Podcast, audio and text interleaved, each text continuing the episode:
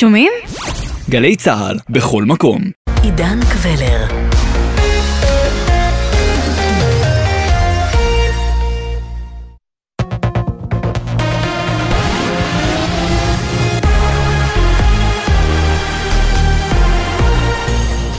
גלי צה"ל לשעה שבע, באולפן עדן לוי עם מה שקורה עכשיו. השב"כ מעורב בחקירת גנבת עשרות אלפי כדורי התחמושת מבסיס צאלים. ההחלטה להיכנס לחקירה במשותף עם משטרת ישראל ועם המשטרה הצבאית התקבלה במטרה להגביר את העיסוק של שב"כ בסוגיית ריבוי אמצעי הלחימה בשטח. כתבנו הצבאי דורון קדוש, שהביא את הפרטים, מזכיר שגנבת 30 אלף כדורי רובה M16 אירעה במהלך הלילה והתגלתה רק היום בבוקר. מחר יהיה המועד האחרון להגשת מועמדות של חברי כנסת לוועדה לבחירת שופטים, ובליכוד עדיין לא הכריעו האם יעמידו נציג משלהם, בנוסף לנציג מפלגת עוצמה יהודית. השר יואב קיש מהליכוד התייחס להיתכנות שיעלו שני נציגים מהקואליציה, ואמר לירון וילנסקי, זה יוכרע בדקה ה-90. אם אין דדליין דברים לא קורים. זה חלק מכל המשא ומתן שמתנהל בבית הנשיא. זה החלטה מיני רבות שצריכות להילקח בכל הנושא של אילו חקיקות יקודמו ומה הסיכומים קואליציה-אופוזיציה וברור שזה גם הנושא הזה על המגרש. אין ספק שזה יוכרע בדקה ה-90. חבר הכנסת מתן כהנא מהמחנה הממלכתי הגיב במשדר ואמר, בשבוע הבא תהיה נקודת מבחן משמעותית, והקואליציה תראה עם פניה להסכמות. אם יעלו שני נציגים להצבעה, סימן שהם רצים עם הרפורמה בכל הכוח. גבר בן 42 תושב עראבה נורא, מצבו קשה. כתבנו קובי מנדל מוסר שצוות חייין העביר אותו לבית החולים לגליל בנהריה להמשך טיפול. המשטרה חוקרת את הנסיבות. ברקע פיצוץ הסכר בדרום אוקראינה, למודיעין האמריקני היה מידע על התוכנית האוקראינית לחבלה במערכת הגז נורדסטרים כשלושה חודשים לפני פיצוץ הצינור. כך נודע לוושינגטון פוסט. מדווחת כתבת חדשות החוץ, שחר קנוטובסקי. על פי הדיווח, שירותי ביון אירופיים העבירו ל-CIA האמריקני פרטים על מתקפה מתוכננת של מיזם הגז בין רוסיה לגרמניה כבר בחודש יוני של 2022. המידע המודיעיני שדלף לרשת דיסקורד קושר את ממשלת אוקראינה לתוכנית לחבלה בצינור הגז הטבעי בחודש ספטמבר האחרון. גורמים באירופה מודים בתחקיר בעילום שם כי עלה בעבר חשד למעורבות אוקראינית בפיצוץ, אך הוא לא הוצהר בפומבי מחשש לפגיעה בברית נגד רוסיה. בכירים באוקראינה, בבית הלבן וב-CIA סירבו להגיב על הפרטים. מועצת הביטחון של האו"ם תכנס דיון הערב בנוגע לפיצוץ הסכר במחוז חרסון. מהבוקר נמלטו מהאזור עשרות אלפי בני אדם בעקבות החשש להצפות ענק. נשיא בית הדין העליון של ההתאחדות לכדורגל תוקף את הפוליטיקאים שקוראים לביטול הרחקת בית"ר ירושלים מאירופה ומגנה את האיומים על דייני בית הדין מצד אוהדי בית"ר. מדווח כתב חדשות הספורט יהונתן גריל. השופט בדימוס אמנון סטרשנוב התייחס לטענות שהעלו חברי כנסת ושרים, בהם שר התרבות והספורט, וכתב כי יש לדחות בכל תוקף את התקפותיהם המיותרות, וכי עדיף שיחדלו מהתערבותם ויתרמו להרגעת הרוחות והנמכת הלהבות. עוד הוסיף נשיא בית הדין העליון כי הוא מגנה את מסע כלפי הדיינים. בבית"ר ירושלים ערערו היום על העונש שהוטל עליהם, ודיון בנושא צפוי להיערך בשבוע הבא. תחזית מזג האוויר למחר, התחממות קלה בטמפרטורות. לעדכונים נוספים חפשו את גלי צה"ל בטוויטר. אלה החדשות, בצוות איתן מוזס ויואב מנדלוביץ'.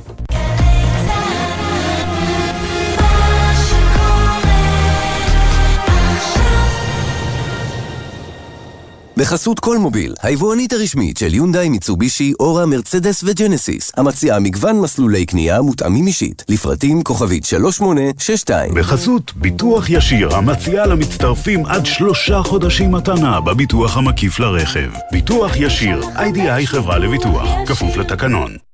עכשיו בגלי צה"ל, רן יבנאי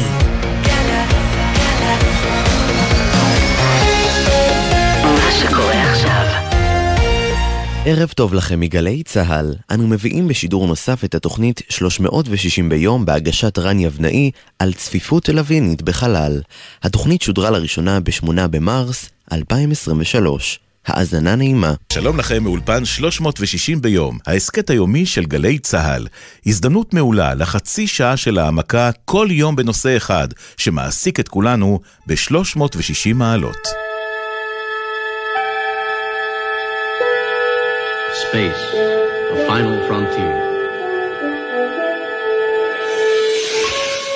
והפעם על פיצוץ אוכלוסין. לא כזה שאנחנו מכירים כאן על אימא האדמה, אלא פיצוץ אוכלוסין חללי. מהו הגורם לצפיפות החללית?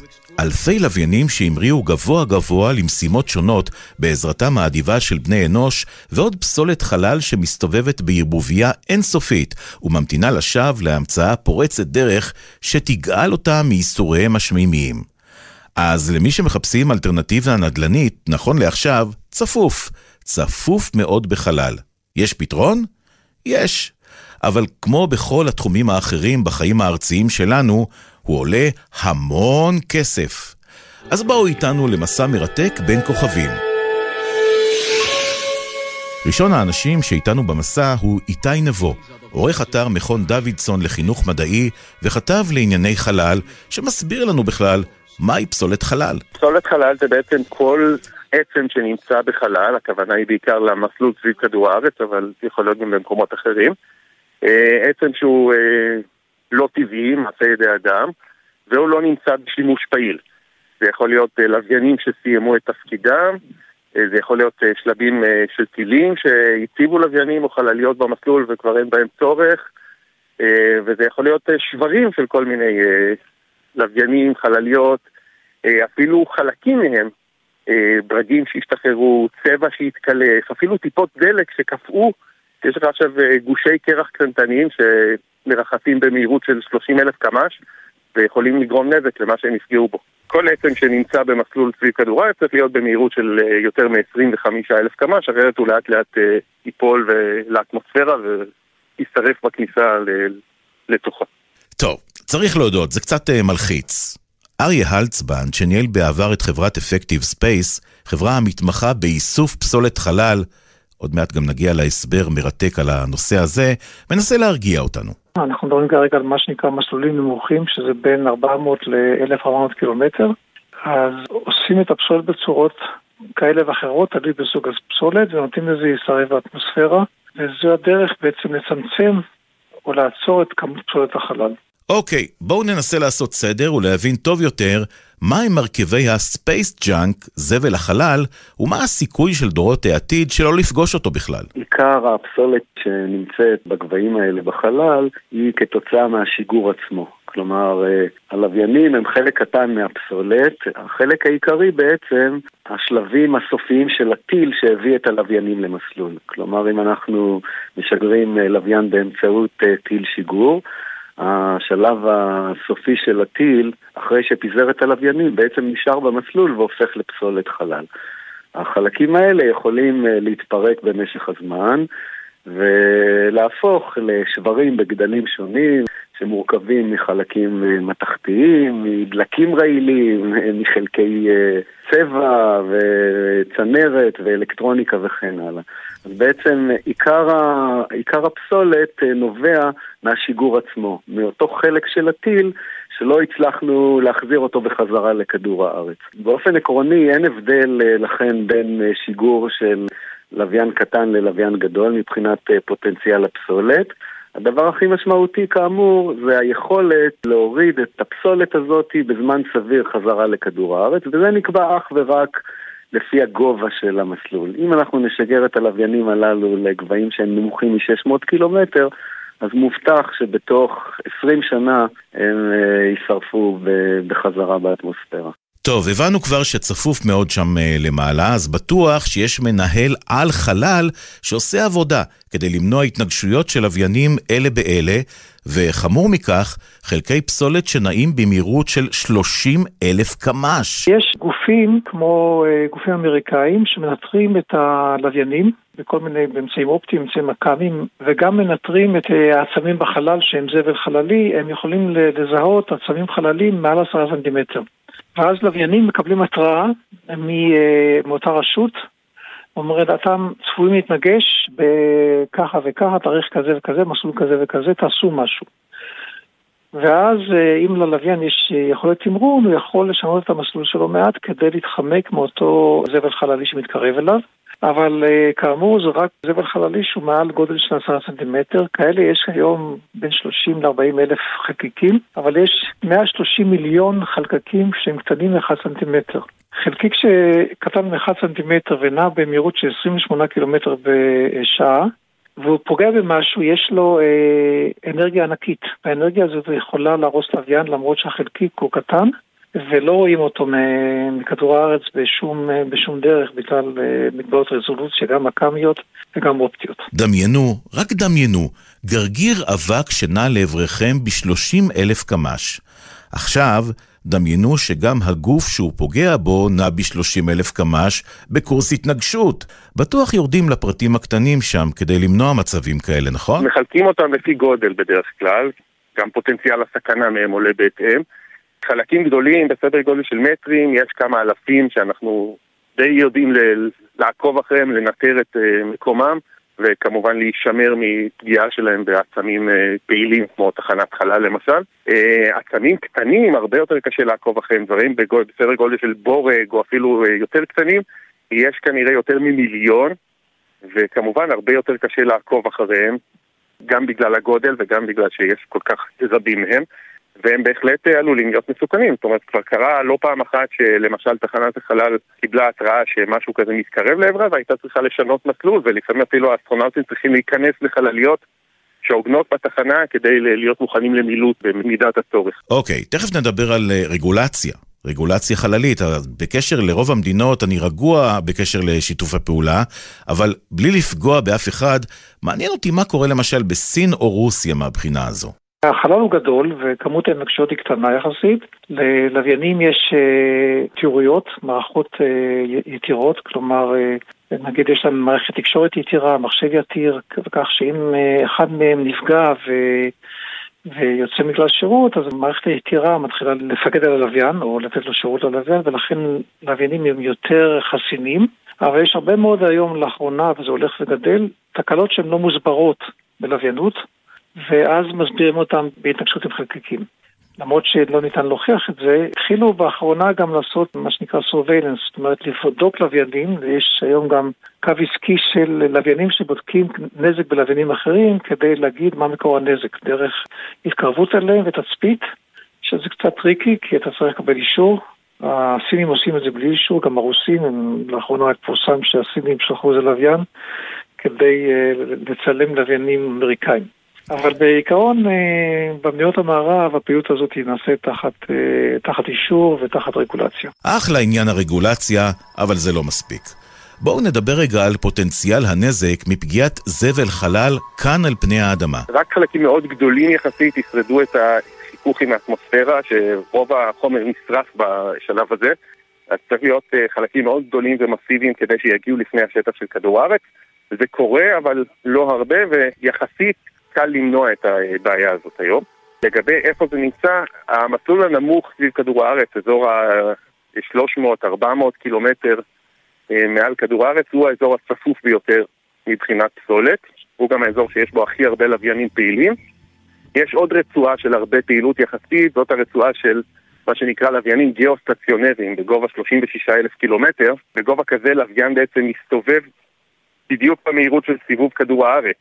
כך שהוא נמצא בפועל מעל אותה נקודה, ולכן שם נמצאים לווייני התקשורת בעיקר.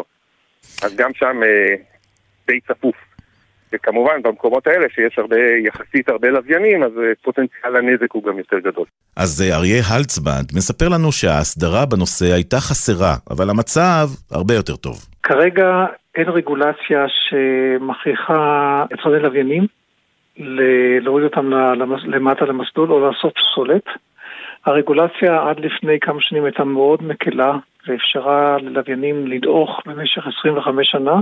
היום התחילה רגולציה יותר מחמירה שבעצם מחייבת למשל את הקונסטלציות של התקשורת הנמוכה, כמו הקונסטלציה של אילון מאסק, שזה עשרות אלפי לוויינים, מחייבת אותם לדאוג לסילוק פסיבי של לוויינים מתים, לוויינים שאי אפשר לשלוט בהם. או לחילופין, אה, שהלוויין ידעך במשך חמש שנים, תוך חמש שנים מהרגע שהוא מפסיק לפעול. וזה גם מחייב אמצעים חיצוניים, כי אחרת הם לא יידחו. הליכה, הכוונה שהם לאט לאט יורדים במסלול, ובסופו של דבר הם אה, נשרפים באטמוספירה. טוב, זמן אה, להתקדם לפתרון בנושא הזבל החללי, למשל, אולי כמו בתחומים אחרים, ננסה למזער חלק מהלוויינים הגדולים והמזהמים לננו-לוויינים. פרופסור מאיר אריאל, ראש המרכז לננו-לוויינים מאוניברסיטת תל אביב. מדובר על אה, לוויינים בגדלים של סנטימטרים ספורים, שנבנים לפי איזשהו סטנדרט, לפי תקן. הם באים ביחידות אה, של אה, ליטר, של עשרה על עשרה על עשרה סנטימטר, כלומר הקטן ביותר הוא קובייה בגודל של עשרה סנטימטרים, אבל הם יכולים להגיע עד לגדלים של 12 ליטר. הם יכולים לשאת עליהם אה, כמעט כל מערכת של לוויין גדול. הלוויינים האלה מצוידים בדרך כלל במחשב מרכזי שמנהל אותם, מערכת תקשורת, מערכת חשמל, פאנלים סולאריים וציוד מדעי שנועד לבצע משימה מדעית או טכנולוגית בחלל. בשיגורים אה, שמתבצעים בשנים האחרונות, בעיקר על ידי חברת ספייסקס, אה, משגרים אה, בסביבות 100 לוויינים, או לפעמים יותר מזה בשיגור אחד, לוויינים זעירים, ולפעמים בשיגור שבו מעורבים לוויינים מכל הגדלים, גדולים, בינוניים וקטנים. אז מזערנו וגם ייעלנו כלכלית, אבל האם בקצה... האם אנחנו יכולים לשלוט על כל לוויין ולוויין בחלל? כל הלוויינים בעצם נשלטים. אחרת קשה לדעת מה, מה לעשות איתם, אבל יש כאלה שלהם מערכות הנעה עצמאיות. זה בדרך כלל הלוויינים הקטנים מאוד, מסוג של קיופסטים, שמשמשים ל, ל, ללימודים או לאוניברסיטאות, אבל לוויינים יותר גדולים, הם כולם נשלטים, וכשאומרים שלוויין הולך לאיבוד, זה בעצם שהתקשורת שלו נסיקה. ברגע שאתה לא יכול להתקשר עם לוויין ולהעביר לו פקודה או לקבל ממנו מידע, מה שנקרא בלשון שלנו טלמטריה, אז הלוויין הלך לאיבוד. אבל אה, כל הלוויינים שנקראים פעילים, יש אליהם תקשורת, והם שולחים מידע למטה, טלמטריה, וחלקם גם יכולים, רובם הגדול יכולים גם לשנות מסלול על ידי הפעלת מערכת הנעה. יש מעט לוויינים, בעיקר הקטנים, כמו שאמרתי, שאין להם מערכות הנעה עצמאיות, ולכן הם לא יכולים אה, לשנות מסלול. אז מה בעצם מניע את אותם לוויינים קטנים? מה מקור האנרגיה? בעצם אה, אותו... מקור אנרגיה שמשמש ללוויינים גדולים, אה, משמש גם לקטנים. הלוויינים האלה, הקטנים, הננו-לוויינים, מצופים גם הם בפאנלים סולאריים, האנרגיה מגיעה מהשמש. וצריך לעשות חישוב, האם מכיוון שמדובר בשטח פנים קטן, אז גם ההספק שלוויין כזה מייצר הוא נמוך. צריך לתכנן את הלוויין בצורה כזאת, שמקור האנרגיה יספיק על מנת אה, להפעיל את המערכות שלו. לגבי אה, זמן החיים שלהם במסלול, זה כבר תלוי בגובה שאליו הם משוגרים. ללוויינים האלה בדרך כלל אין מנוע, אין הנאה, כלומר אין אפשרות להתגבר על החיכוך שקיים בגבהים נמוכים. ולכן אה, זמן החיים במסלול תלוי אה, בגובה המסלול. אה, השיגורים הנפוצים הם לגבהים של בערך 550 קילומטר, וזמן החיים הוא בערך 5 עד 7 שנים. אחרי הזמן הזה, השאריות של האטמוספירה מאטות את התנועה של הלוויין במסלול, והוא בעצם דועך ונשרף באטמוספירה. סוף סוף ניתן לנשום לרווחה. אבל כמה באמת עולה התענוג למאזיננו? לוויין כזה, נניח אה, מחיר אצבע, זה בסביבות אה, מיליון דולר ללוויין, אה, קטן הרי. לוויין נניח בגודל 30 סנטימטר, וזה כולל בעצם את כל העלות, גם את עלות הרכיבים ועלות כוח האדם. שהופכת להיות משמעותית. אם הירידה בעלויות השיגור והרכיבים, אז כוח האדם, המפתחים עצמם, המהנדסים, זה אה, הופך להיות אה, מרכיב משמעותי, וזה אפילו כולל את עלות השיגור. היום מדובר על סדר גודל של 50 אלף דולר לקילוגרם, אבל המחירים האלה יורדים והולכים עם השנים. חברת SpaceX די השתלטה על השוק הזה של אה, שיגור לוויינים זעירים, מציעה היום אה, מחירים מאוד נמוכים, אבל אה, היא לא מאפשרת ללקוחות קטנים להתקשר איתה ישירות, אתה צריך לעבוד דרך ספק משנה שקונה נניח 200 קילוגרם מ SpaceX והוא מחלק אותם וגם גוזר איזשהו קופון בדרך. וואו. אבל בסופו של דבר אפשר להגיע למחירים מאוד נמוכים של אלפי דולרים לקילוגרם, וזה אומר שזה כבר עלות זניחה ביחס לעלות הפרויקט כולו. האמת שאני קצת חושש. מיליון דולר ועוד באמצעות דילר. אוקיי, נעזוב רגע את הננו לוויינים ונחזור למפלצות הגדולות. תחנות חלל, אוסטרליה, שנות ה-70, משהו יוצא משליטה. נכון, אתה מדבר על סקיילאב, התחנת החלל האמריקאית. בדיוק. יצאה משליטה בסוף שנות ה-70. נאס"א עוד קיוו להאריך את חייה, אבל בין השאר זה לא קרה גם בגלל שמעבורת החלל התעכבה בפיתוח וגם בגלל שהייתה פעילות שמש מוגברת שהגדילה את הגרר של האטמוספירה וזירזה את הנפילה של התחנה הזאת. ואכן רובה, רוב החלקים שפגעו בקרקע הם נפלו באוקיינוס, אבל חלקם פגעו במערב אוסטרליה. אפילו נפלו בחצרות בתים, למרבה המזל באמת אף אחד לא נפגע, אבל יש פוטנציאל נזק מדברים כאלה. אגב, הרשות המקומית של, שבה התחנה הזאת נפלה, התלבטה איך להגיב על זה. והיא כנסה בסופו של דבר את נאס"א ב-400 דולר אוסטרליה על השלכת פסולת. נאס"א לא שילמה את הקנס לעולם. כן. יש כאלה שמצליחים להתחמק מהרשויות. טוב, נו. אלו הן הרשויות עצמן. מסובך לגמרי. נחזור לעסק פשוט יותר. הרגולציה בחלל. למרבה הפלא, החלל הוא גלובלי. הלוויינים מסתובבים סביב כדור הארץ. והסינים והרוסים חשופים לאותה בעיה של פסולת בחלל, והלוויינים שלהם גם צריכים לעבוד. ולכן יש פורומים של האו"ם, שבהם נקבעים המלצות בהסכמה, והרוסים והסינים שותפים לפורומים האלה, וההסכמות האלה הופכים לחוק מדינה. זאת אומרת, האו"ם לא יכול לכפות על מדינה איך להתנהג, אבל בדרך כלל ההסכמות האלה, דרך שמתקבלות באו"ם, שגם ישראל חברה באמנות האלה, הופכות לחוק מדינה או חוק חלל. זאת אומרת, למדינות יש חוקי חלל, וחוקי החלל מחייבים את, ה, את המפעילים שהם תחת אותם חוקי, חוקי מדינה. ככה זה עובד. איתי נבו, כתב החלל ועורך האתר של מכון דוידסון, מנסה להרגיע אותנו שלפחות באמריקה הגדולה יש בקרה. בארצות הברית יחסית יש בקרה. יש את מינהל התעופה האזרחית, ה-FAA, שהוא, אה, יש לו כללים מאוד ברורים אה, לדרישות שצריכה לעמוד בהן חללית אה, אמריקאית או חללית שמשוגרת מארצות הברית. האמריקאים מסודרים. אה, כן, עכשיו גם כאן יש כמובן פרצות וכן הלאה, אבל יחסית המצב טוב, ובאמת היום יש דרכים למנוע היווצרות של פסולת חלל נוספת.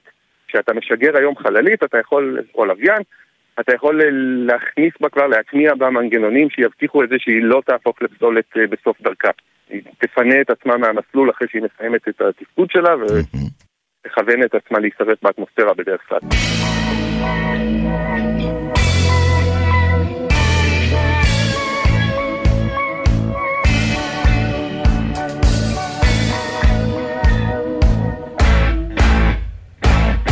אנחנו אוהבים סטטיסטיקה, במיוחד כשאנחנו לא ממש בתוכה, ולכן מחפשים עוד פתרונות או מנגנונים שימנעו תאונות חלל. כמו שאמרתי קודם, חלק מהחלליות כבר, או מהלוויינים כבר משוגרים עם מנגנון שיבטיח שהם לא יהפכו לפסולת, נגיד איזושהי תוספת דלק שבסיום ההפעלה מכוונת אותם להישרף באטמוספירה, או מכוונת אותם למסלול יותר גבוה שהם לא יזיקו שם. אבל יש גם חברות לא מעטות, כולל אחת ש... מוצאה בישראל, חברת Effective Space שהקים אריה הלזבנד ואחר כך הפכה להיות Astroscale שנרכשה בידי תאגיד בינלאומי שאחת המטרות שלהם זה לוויין שיודע להיצמד לאיזשהו עצם פסולת שאנחנו חפצים לסלק ולקחת אותו להישרף במסלול סביב כדור הארץ או להאיץ את המהירות שבה הוא ירד להישרף באטמוספירה. Uh, הבעיה עם השוק הזה שהוא לא שוק רווחי, כלומר אתה צריך שמישהו יממן את הפרויקטים האלה, לאף אחד אין אינטרס, אומרת, נגיד ככה, לכולם יש אינטרס שהמסלול סביב כדור הארץ יהיה נקי מפסולת והרבה יותר בטוח ובטיחותי לפעול בו, אבל לאף אחד אין את האינטרס לממן לכולם את הבטיחות הזאת. פה באמת צריכה להיות איזושהי פעילות בינלאומית, יש uh, ועדה של האו"ם שעוסקת בנושאי בכלל אמנות והתנהלות של בין גופים ובין מדינות בחלל, אבל אין לה הרבה שיניים. צריך להיות איזשהו מאמץ בינלאומי משותף בסופו של דבר, אחרת הטיסה לחלל תהפוך להיות הרבה יותר מסוכנת וכמובן גם הרבה יותר יקרה. כמה יקרה? אריה הלצבנד אומר לנו שהמון. אבל לוויין יכול לעלות גם 500 מיליון דולר. לוויינים אמריקאים, לווייני תקשורת אמריקאים גם עולים מיליארד דולר, כי הם מאוד מורכבים, מאוד מסובכים. כמו כל עסק יקר, יקר מאוד, מישהו צריך לבטח את הלוויינים והמשגרים. יש חברות ביטוח לעסק הזה? כן, יש גופים שמבטחים לוויינים בחלל, החל משלב השיגור ועד פעילות כל, כל שנה. הביטוח הזה מבוסס סטטיסטיקה של כישלונות. זה עסק שמגלגל מאות מיליונים בשנה, הביטוח הזה, כי ברגע שיש הרבה לוויינים, אז uh, אתה, גם המבטחים עובדים בקונסורציומים, זאת אומרת, התאגדות של מבטחים פה, דרך אגב, בביטוח רגיל. גם uh, ביטוח לרעידות אדמה, כשאתה מבטח מדינה, אז הרבה מאוד גופים משתתפים בזה, נכון. כי גוף יחיד לא יכול לעמוד בנזק.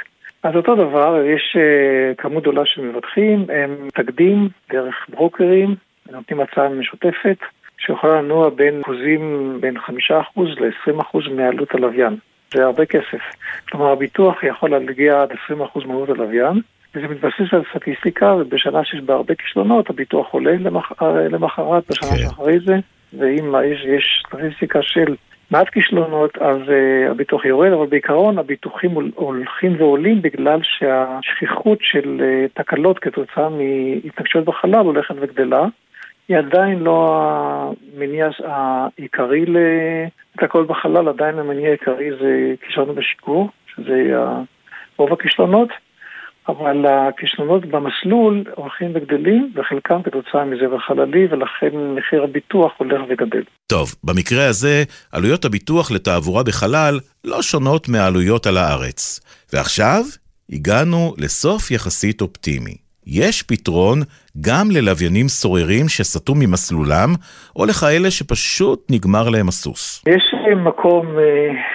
to dump, לזרוק אה, לוויינים, זאת אומרת שאם אתה מתעסק בסיפור הזה של להוריד לוויינים לקרקע, אז אם זה לוויין גדול, אם זה לוויין ממש ולא חלקיקים, אז יש חלקים שלא נשרפים כשהם נכנסים לאטמוספירה. למשל, אם יש מחלי טיטניום, אז טיטניום יעמוד בטמפרטורות של אה, כניסה לאטמוספירה ולא יישרף, ואף אחד לא רוצה לזרוק מכל טיטניום על הראש של מישהו. ולכן אה, יש אזורים על כדור הארץ שמקובלים כבית קברות ללוויינים, למשל אה, דרום הפסיפיק. שזה אזור פחות מיושב ויש פה פחות ספינות, פחות תנועה, ואם אתה מתעסק בהורדת לוויינים, אתה אמור uh, לכוון את הלוויין שאתה מוריד למטה, שאחרי שהוא ייכנס לאטמוספירה וישרף ברובו, מה שיוותר ממנו ינחת באזורים האלה שמוגדרים כבית קברות ללוויינים. אז בפעם הבאה שנישא את עינינו השמיימה, כנראה שלפחות בדמיון נראה בין המון כוכבים גם זבל חללי אבוד. אבל בניגוד לזה הארצי, הראשון גם נוצץ. עד כאן 360, ההסכת היומי של גלי צה"ל. בכל יום 30 דקות של צלילה לתוך נושא אחד שמעסיק את כולנו מ-360 מעלות. אנחנו זמינים לכם ביישומון גל"צ ובכל אפליקציות הפודקאסטים המובילות. ערך אותנו נמרוד פפרני, המפיקים יונתן שגב ונועה ארז, על הביצוע הטכני מוטי זאדה, צביקה אליהו וג'וש נחום. עורכת הדיגיטל יולי אמיר. אני רן יבנאי, שיהיה לכולנו לילה שקט.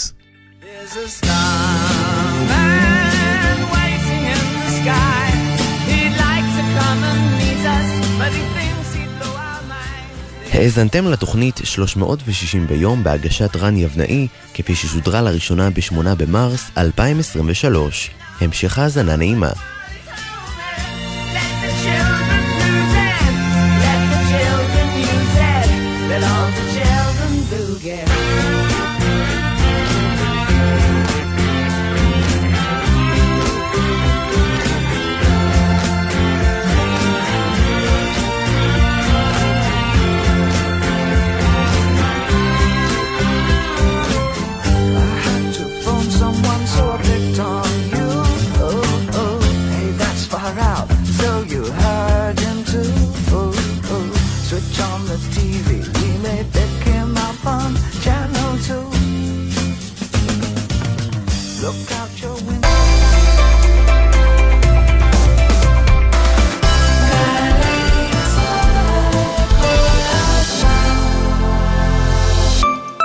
לתושבי שכונת נווה מגן לא היה פאב לבלות בו, אז הם הקימו אחד. כולו שלהם. הם מחליטים, הם קובעים, הם הבעלים. יזמות שיתופית, ככה זה פועל היום.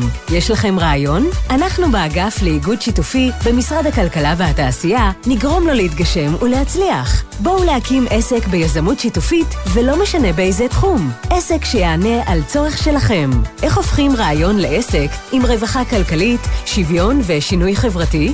אצלנו כל התשובות. חפשו אותנו באתר האגף לאיגוד שיתופי במשרד הכלכלה והתעשייה. שלום, כאן ענבר מאגף השיקום במשרד הביטחון. רציתי לעדכן שהשקנו אתר חדש, אתר הזכויות לנכי צה"ל. באתר אפשר למצוא מידע מקיף על תהליך ההכרה, הטיפול הרפואי ועל כל השירותים וההטבות של נכי צה"ל אצלנו באגף. אפשר גם לבצע פעולות בקלות מבלי לצאת מהבית, כמו הגשת בקשה להכרה, הזמנת תרופות וציוד רפואי, הנפקת תעודת נכה דיגיטלית ואפשרות לראות את כל הזכויות המותאמות באופן אישי במצפן הזכויות. אז היכנסו לאתר אגף השיקום. אנחנו כאן למענכם. מגדל דוד, מוזיאון ירושלים מחדש, נפתח. לגלות את ירושלים בתערוכה חדשנית המספרת את סיפורה של העיר. פרטים באתר. ללמוד בזמן, במקום ובקצב שתבחרו. האוניברסיטה הפתוחה. ללמוד שאפשר גם אחרת. ההרשמה בעיצומה. כוכבית 3500. עכשיו בלוטו הפרסים גדולים במיוחד. בלוטו 30 מיליון שקלים, ובדאבלוטו עד 60 מיליון שקלים. ימבה!